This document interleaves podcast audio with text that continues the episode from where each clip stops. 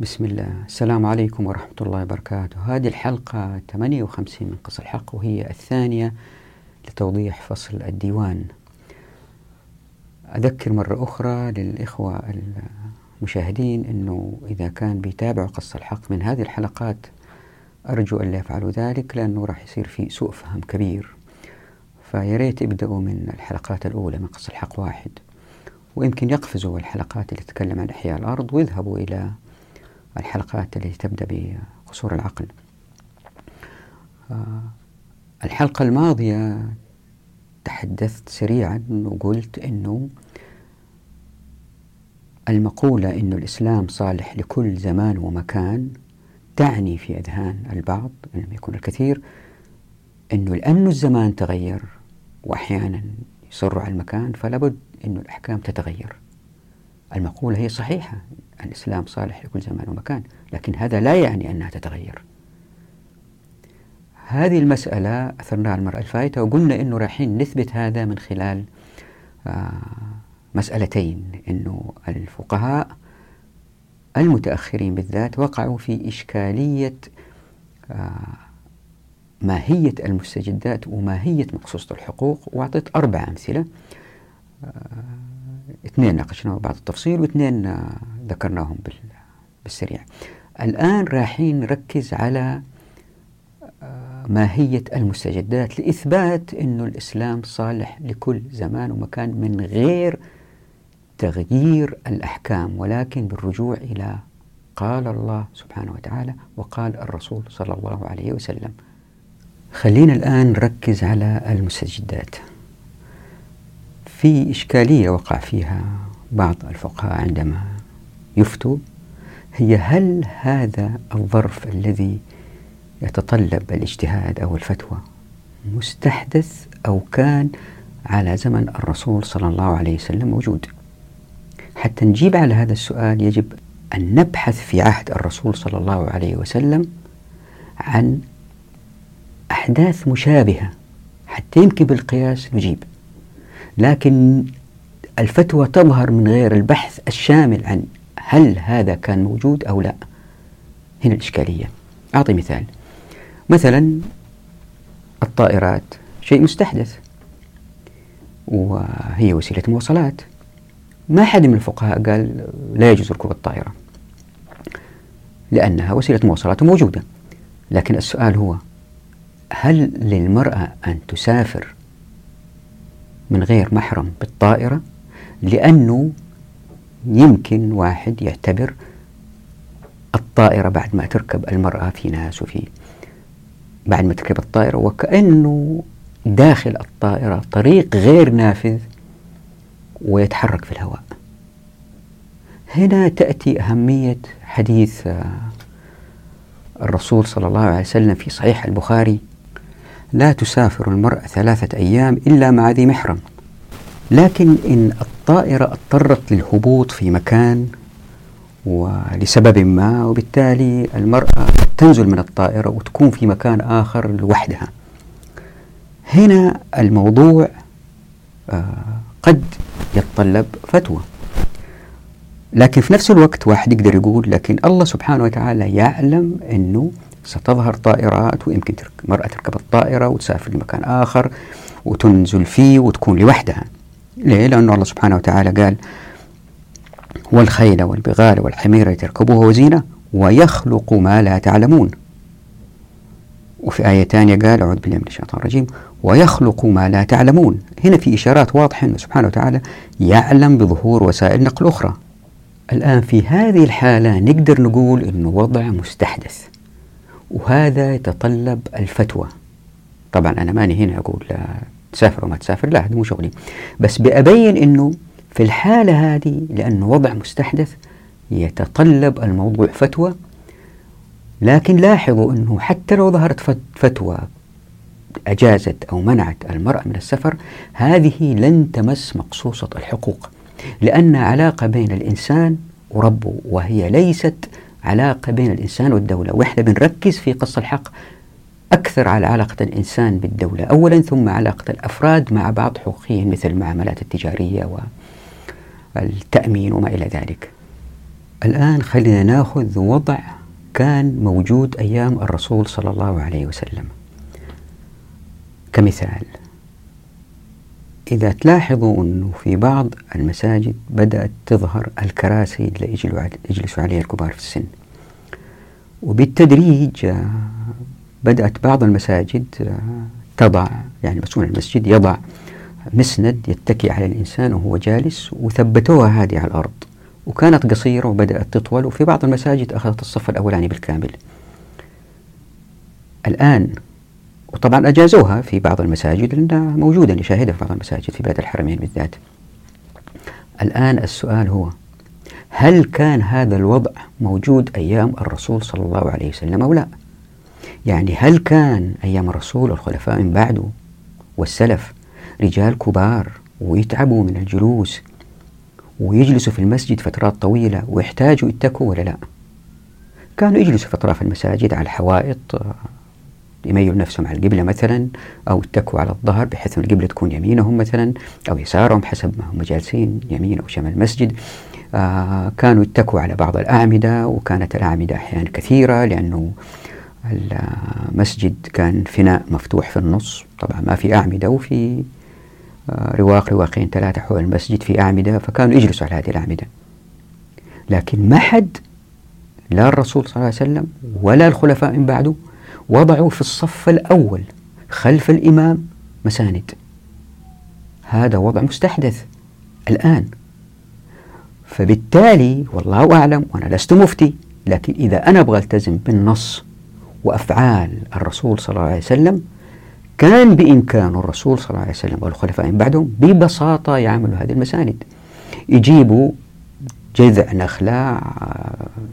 عرضه طوله متر مثلا ويقسموه بالنص ويصير نصف دائرة وجذع على شكل نصف آه، دائرة بطول متر ويحفروا الأرض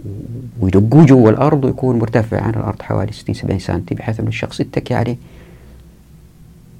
هذا جدا ممكن وجدا وارد لكن لم يفعل ذلك أحد يمكن فعلوا لكن ما سمعنا ولم يتواتر هذا الشيء إذا كيف نفعل الآن؟ لأنه بالتدريج من آه، كراسي متحركة صارت كراسي ثابتة مساند من صف واحد صار صف طويل من أول المسجد لآخر المسجد وبعض المساجد بدأت تصير صفين طب شوي شوي تصير كنيسة أرجو أن لا يفهم من هذا أنني أقول أنه لا يجوز وضع المساند في المساجد الحالية أنا أتيت بمثال عشان أوضح أن هذا الوضع كان موجود أيام الرسول صلى الله عليه وسلم وكان بإمكانه يضع المساجد حتى فقط آه، نفهم ما هو المستجد وما هو لا ومثلا من الأمثلة أنه مثلا آه، ما أدري ولا أعرف أنه أيام الرسول والخلفاء من بعده أنه الأطفال كانوا يؤذنوا في المساجد لأنه بالتأكيد آه، صوتهم ضعيف لن يصل نحتاج شخص صوته جهوري لكن هذه الأيام في مكبرات صوتية وفي بعض الأطفال أذانهم أجمل بكثير من العجم اللي أذنوا في المساجد بالذات في بلاد الحرمين يعني أنتم أنتم عارفين تسمعوا الأذان والراجل يا دوب آه، يعرف ينطق ويطلع يصير يصير مؤذن والناس يسمعوا الأذان وما آه، يرتاحوا زي إذا كان شخص أداء صوته جميل يأذن فهذه مسألة نقدر نقول جاية بين الاثنين يعني ليست مستجدة كسفر المرأة بالطائرة وليست آه، آه، كانت موجودة أيام الرسول صلى الله عليه وسلم وكان يمكن يفعل الرسول صلى الله عليه وسلم مثل المساند فهذه الأمثلة فقط لتوضيح الفكرة عن الفرق بين ما كان يمكن للرسول صلى الله عليه وسلم أن يفعله ولم يفعله وبين ما هو مستجد من خلال هذه الأمثلة الواحد يقدر إذا تتذكروا الحالات الأربعة اللي ذكرتها بسرعة في الحلقة الماضية الواحد يقدر يرى أنه بوضوح الفتاوى اللي قالوا فيها الفقهاء ما كان يجب أن تصدر لأنها صدرت بناء على وضع مستحدث تذكروا مثال إيدز اللي تكلمنا عنه في الحلقات الماضية مرارا وقلنا أنه يجوا ناس يقولوا والله كيف نولد نوجد علاج لمرض الإيدز وإذا الشريعة لا توجد لنا حل لمرض الإيدز إذا الشريعة قاصرة وبالتالي نحتاج اجتهاد الجواب يكون لأن الشريعة لم تطبق ظهر مثلا مرض الإيدز لأنه كان في تفلت جنسي وكان في تفلت في المخدرات وما إلى ذلك لأن الشريعة ما طبقت ظهرت بطالة ظهروا ناس فاضيين ظهروا ناس يبحثوا عن اللهو ظهرت طبقة عالية مستفيدة ماليا تبغى تتلهى بالمخدرات وما تشتغل وفاضيين وعلى طول هذه ظروف ظهرت لأنه الشريعة لم تطبق ما نجي نقول للشريعة أو أوجدي لنا حل لمرض الإيدز هنا نفس الشيء الحالات الأربعة اللي ذكرتها المرة الفايتة الشيخ الأولاني اللي قال إنه آه، الشخص الذي يفتح محل باسمه وآخر يعمل فيه وهذاك يأخذ أرباح هذا تستر وستر آه، على أنظمة ولي الأمر والشيخ الثاني اللي أفتى بعدم جواز الجهاد في العراق لما كانوا في الأمريكان والشيخ الثالث اللي أفتى بإمكانية صرف أموال آه، ابن السبيئة في سبيل الله على حفظ القرآن والشيء هذه الأمثلة التي ذكرتها في الحلقة الماضية كلها تدور في هذا الإطار الظرف المستحدث الذي يرونه وتطلب الفتوى هو لم يستحدث إلا لأن الشريعة لم تطبق فالحالة الأولى مثلا اللي هي أنه ما يسمح لغير المواطن أن يفتح محل تحت مواطن تحت اسم مواطن لأنه الوضع الحالي عبارة عن دول ذات حدود أوجدتها أساس بيكو والكل قابل فيها وقالوا هذا وضع مستحدث وإحنا مستسلمين لهذا الوضع المستحدث وبالتالي هم إن يفتوا بمنع الشخص هذا من العمل تحت مظلة اسم مواطن هم يزيدوا الأمة ضعف هم يؤيدوا الأنظمة التي أدت أتت لإضعاف المسلمين فبالتالي هم والله أعلم لأنهم لم يبحثوا هل هذا الوضع مستجد أو لا وهو مستجد لأنه خرجنا عن الشريعة وخرجنا عن مقصود الحقوق ولأنه مستجد أعطوا فتوى ما كان يجب أن تظهر كان يجب القول أنه لك الحق أن تفعل آه هذا وهذا ليس تستر بل هذا في مصلحة الأمة وهذه الأنظمة التي تمنع الناس من فتح محلات إلا إذا كانوا مواطنين هذه الأنظمة هي الأنظمة الجائرة هذه الأنظمة غلط بالإضافة إلى كذا في بعض الفتاوي التي تصدر يعني تكون واضحة يعني غبائها واضح آه بسرعة الحمد لله فقهاء الأمة الفقهاء الربانيين يهبوا ويردوا على الشخص هذا مثلا مفتي دولة عربية كبيرة ذات ثقل قال آه، كل دولة لها سيادتها ففرنسا لها الحق في فرض منع الحجاب على المسلمات فهذا من حقها لأنها دولة مستقلة والمسلمات عايشين هناك فلازم يرضخوا لأنظمة الدولة طبعا كثير قاموا ردوا عليه هذه المسائل واضحة والحمد لله ما في منا خوف الإشكالية هي أنه بعض الفقهاء الكبار لما يتكلموا في الحقوق والكل يقتنع مثلا شيخ كبير طنان رنان مشهور وألف كتب يعني و وقال أن المكوس تحتاج الدولة هذه ما سماها مكوس سماها ضرائب وهي لمنفعة الشعب وصالح الشعب وبالتالي حلل المكوس طبعا هو ما يجيب اسم مكوس يقول إيش ضرائب لمصلحة التعليم والصحة وما إلى ذلك هذه التي من الخطورة وهذه اللي إن شاء الله راح ننبه عليها بينما الواضحة هذه اللي تمت في الأخلاقيات مثلا أو العادات أو الهادئة التي لا تمس مقصود الحقوق يمكن تأثر عليها لكن ليس تأثير مباشر أو تأثير خفيف طفيف والتأثير هذا يضمحل إن طبقنا مقصود الحقوق هذه آه، ما راح نركز عليها من البديهي هؤلاء الفقهاء عندما يقولوا ب ضرورة الفتوى بسبب تغير الزمان لهم مراجع خلينا نمر عليها ونرد على بعضها مش كلها آه، مثلا جاء في مسند الإمام أحمد عن عبد الله بن عمرو بن العاص قال كنا عند النبي صلى الله عليه وسلم فجاء شاب فقال يا رسول الله أقبل وأنا صائم قال لا فجاء شيخ فقال أقبل وأنا صائم قال نعم قال فنظر بعضنا إلى بعض فقال رسول الله صلى الله عليه وسلم قد علمت لما نظر بعضكم إلى بعض إن الشيخ يملك نفسه طبعا هذا الحديث زي ما قال الهيثمي آه، فيه ابن لهيعة والكلام فيه معروف من هذا الحديث اللي فيه أبو لهيعة ولا بيستشهد فيه كثير من الفقهاء لإثبات أنه الأحكام تتغير السؤال هو طيب ليش قالوا أن الحكم تغير ليش ما قالوا أنه هم حكمين مختلفين هي مسألة شاب حكم رجل كبير حكم طبعا في ناس في النص فين نرسم الخط هذه علاقة بين الإنسان وربه هذه ليست مخصوصة حقوق فكيف نستخدم هذا الحديث اللي هو عن علاقة الإنسان بربه التقبيل في الصيام في مسائل حقوقية زي فرض الضرائب هذا شيء عجيب ومن أدلتهم ما جاء في صحيح مسلم عن ابن بريد عن أبيه قال قال رسول الله صلى الله عليه وسلم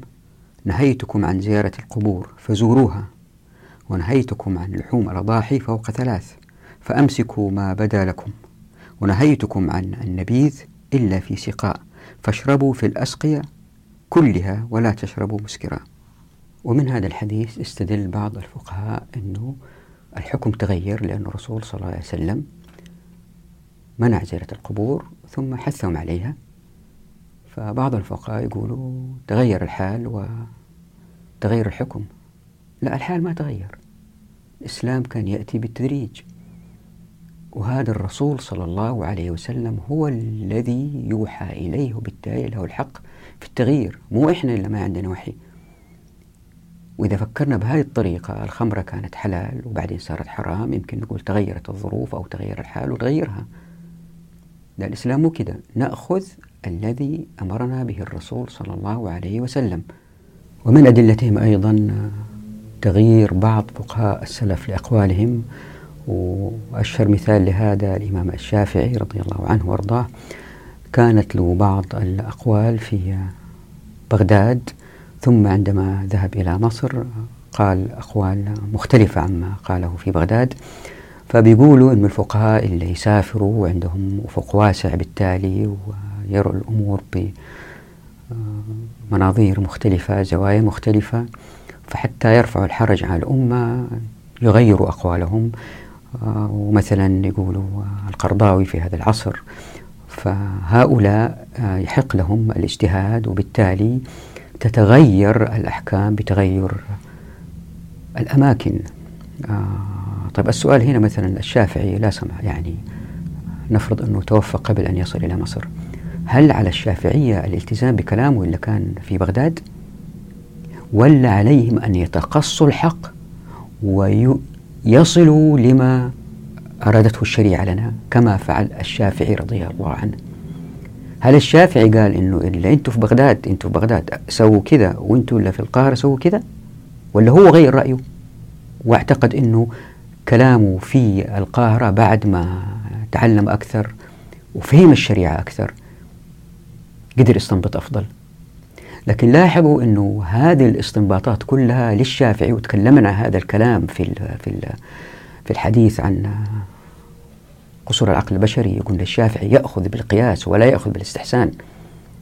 طيب تركت الشافعي في هذه المسألة أنه يأخذ بالقياس ولا يأخذ بالاستحسان وأخذت أنه والله هو آه كان له قولين وبالتالي إذا الأحكام تتغير بتغير المكان عشان نأكد على هذه المسألة وكيف آه هي مهمة في الشريعة راح أذكر الآن بعض الآيات من موضوع خارج مقصوصة الحقوق الحلقة القادمة نركز على مقصوصة الحقوق ألا وهي اللي قلنا الالتباس الثاني الذي وقع فيه الفقهاء المعاصرين آه خلينا ننظر بعض الآيات مثلا قوله تعالى أعوذ بالله من الشيطان الرجيم الطلاق مرتان فإمساك بمعروف أو تسريح بإحسان ولا يحل لكم أن تأخذوا مما آتيتموهن شيئا إلا أن يخافا ألا يقيم حدود الله وتمشي الآية ألين تلك حدود الله فلا تعتدوها ومن يتعد حدود الله فأولئك هم الظالمون لما أتت على الحقوق كانت الآية واضحة لأن حقوق آدميين حقوق ناس يعني سبحانه وتعالى نسب الحق إلى نفسه حتى لا تظلم المرأة بقوله تعالى تلك حدود الله فلا تعتدوها مثال آخر في الحقوق تأمل قوله تعالى أعوذ بالله من الشيطان الرجيم ولكم نصف ما ترك أزواجكم إن لم يكن لهن ولد وتمشي الآيات ألين تصل إلى الحدود والتوصية فيها بيقول تلك حدود الله ومن يطع الله ورسوله ويدخله جنات تجري من تحتها الأنهار الله بينسب الحقوق لنفسه تلك حدود الله مثال ثالث تأمل حق المرأة في المكوث في بيت زوجها في قوله تعالى في سورة الطلاق أعوذ بالله من الشيطان الرجيم يا أيها النبي إذا طلقتم النساء فطلقوهن لعدتهن واحصوا العدة واتقوا الله ربكم لا تخرجوهن من بيوتهن ولا يخرجن إلا أن يأتين بفاحشة مبينة وتلك حدود الله ومن يتعد حدود الله فقد ظلم نفسه لاحظ قوله تعالى وتلك حدود الله بالإضافة إلى مثل هذه الآيات الله سبحانه وتعالى يمتدح الحافظين لحدود الله بقوله أعوذ بالله من الشيطان الرجيم التائبون العابدون الحامدون السائحون الراكعون الساجدون الآمرون بالمعروف والناهون عن المنكر والحافظون لحدود الله وبشر المؤمنين لاحظ هنا في هذه الآيات إشارة واضحة بحدود الله سبحانه وتعالى وحدود الله سبحانه وتعالى ما هي متروكة للبشر يزيدوا وينقصوا فيها وياخذوا ويعطوا منها هي الله سبحانه وتعالى رسمها لنا عشان نمشي عليها وإلا إذا فكرنا بهذه الطريقة نفضل نمط في الحقوق في الحقوق من هنا ومن هنا و إلا يصير أنه بتغير هذه الحقوق حقوق المسلمين في الهند تختلف عن الباكستان تختلف عن موريتانيا تختلف عن اليمن وما يصير إسلام واحد يصير كل منطقة لها إسلامها وهذا اللي بقول معاصرين من من غير المسلمين حتى الإسلام يأخذ مرتبة ثانية في في في المعاملات لكن إذا الإسلام واحد وكل الأمة المسلمة مجمعة عليه في الحقوق أنا أتكلم عن الحقوق ما أتكلم عن العبادات تختلف مسائل العبادات من منطقة إلى أخرى مثلا الصيام يختلف من السويد إلى منطقة النهار فيها جدا قصير مثلا أو السويد إذا جاء رمضان في الصيف أو الشتاء ماذا يعملوا هذه عبادات أنا بتكلم عن الحقوق وزي ما رايحين نشوف إن شاء الله في الحلقة القادمة إن شاء الله نركز على مسألة مقصوصة الحقوق في الاجتهاد وأذكر أيضا مرة أخرى للإخوان أنه لابد من متابعة الحلقات الماضية لفهم هذه الحلقات لأنه آه، ما تكون الصورة واضحة لهم وبالتالي يمكن ينزعجوا من هذا الكلام إذا واحد يبغى ينتقد جزاه الله خير رحب بالانتقاد لكن لازم يسمع اللي راح نتوقف هنا وفي أمان الله ونراكم على خير ودعواتكم